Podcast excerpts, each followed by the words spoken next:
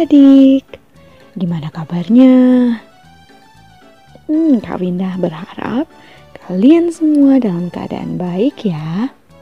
Kak Winda senang banget bisa kembali hadir menyapa kalian dalam program renungan harian audio cerdas berpikir. Kakak berharap melalui program ini pikiran kita semakin diisi oleh kebenaran firman Tuhan. Oh iya, selamat tahun baru 2022 ya untuk kita semua. Semoga tahun ini adalah tahun sukacita kita. Amin. Dan hari ini Kak Winda mau ngebawa ini yang santai-santai aja sih, yaitu tentang menikmati hidup. Hmm, siapa sih yang gak kepingin menikmati hidup? Pasti kepingin lah ya. Santai-santai, menikmati kekayaan dan berbagai fasilitas, makan makanan yang super lezat, pokoknya ada dalam situasi yang menyenangkan deh. Hmm, tapi nggak semua dari kita bisa ada dalam situasi kayak gitu. Yang ada mungkin sebaliknya. Ditambah lagi nih ya, kita lagi ada dalam situasi pandemi. Kita jadi susah ngumpul dan bermain bersama teman, lebih susah ke mana-mana, dan lain sebagainya. Kayaknya makin sulit untuk menikmati hidup kan? Tapi kalian tahu nggak? Menikmati hidup itu nggak melulu bergantung pada keadaan kita bisa menikmati hidup bahkan melalui hal-hal kecil kok. Semua tergantung keputusan kita. Kita mau nggak menikmati apa yang ada? Untuk bisa menikmati hidup, hal pertama yang harus kita lakukan adalah bersyukur. Bersyukur bukan hanya atas hal-hal yang kita nilai baik aja, tapi juga atas hal-hal yang kita nilai kurang baik.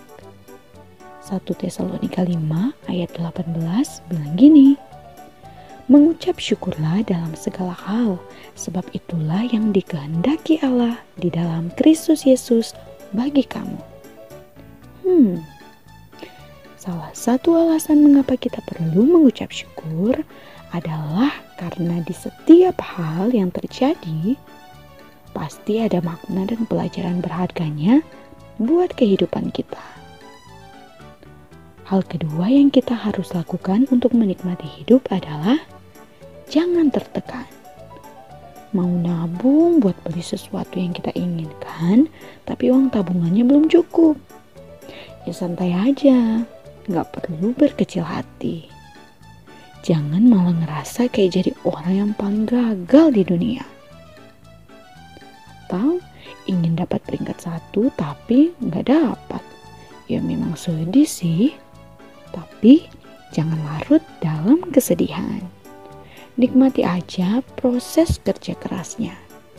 Entah dapat peringkat satu atau enggak, yang jelas buah dari kerja keras itu nggak akan mengecewakan. Hal ketiga yang dilakukan agar bisa menikmati hidup adalah ya bersenang-senang. Usahakan sediakan me time. Bisa dengan main game, ngemil-ngemil, shopping kalau punya uang, jalan-jalan, dan lain sebagainya. Tapi harus bertanggung jawab loh ya. Pengkhotbah 11 ayat 9 bilang gini, Bersukarialah hai pemuda dalam kemudaanmu, biarlah hatimu bersuka pada masa mudamu, dan turutilah keinginan hatimu dan pandangan matamu. Tetapi ketahuilah bahwa karena segala hal ini, Allah akan membawa engkau ke pengadilan. Ya intinya, bersenang-senang sih boleh aja, harus malah. Tapi harus bertanggung jawab. Apalagi nih ya, masih di perikop yang sama. Pengkhotbah 12 ayat 1 bilang gini, Ingatlah akan penciptamu pada masa mudamu sebelum tiba hari-hari yang malang dan mendekat tahun-tahun yang kau katakan, tak ada kesenangan bagiku di dalamnya. Intinya, mumpung masih muda, senang-senang aja, nikmati hidup. Tapi harus bertanggung jawab dan tetap ingat Tuhan. Ya, supaya di masa tua nanti nggak mengalami banyak penyesalan. Jadi, pertimbangin lagi deh kalau kalian kepikiran untuk nyobain rokok, malas-malasan belajar, atau nggak memanfaatkan waktu dengan baik, dan lain sebagainya. Kalau kalian menikmati hidup dengan gak bertanggung jawab di masa depan, akan timbul penyesalan.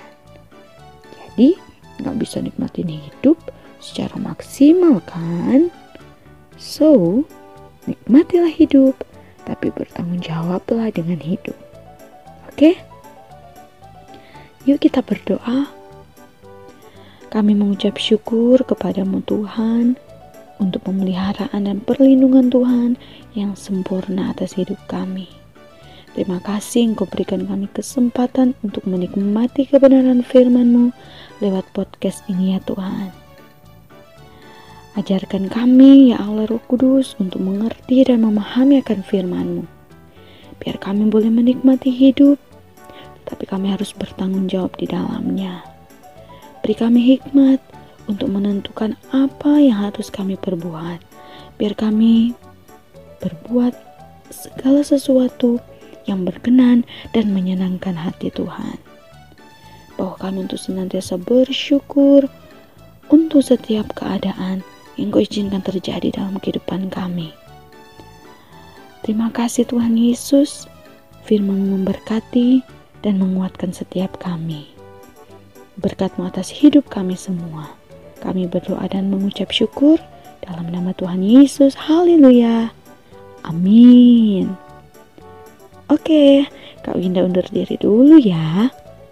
Tetap sehat, tetap semangat, dan tetap jadi berkat. Jangan lupa bahagia ya. Tuhan Yesus memberkati. Dadah.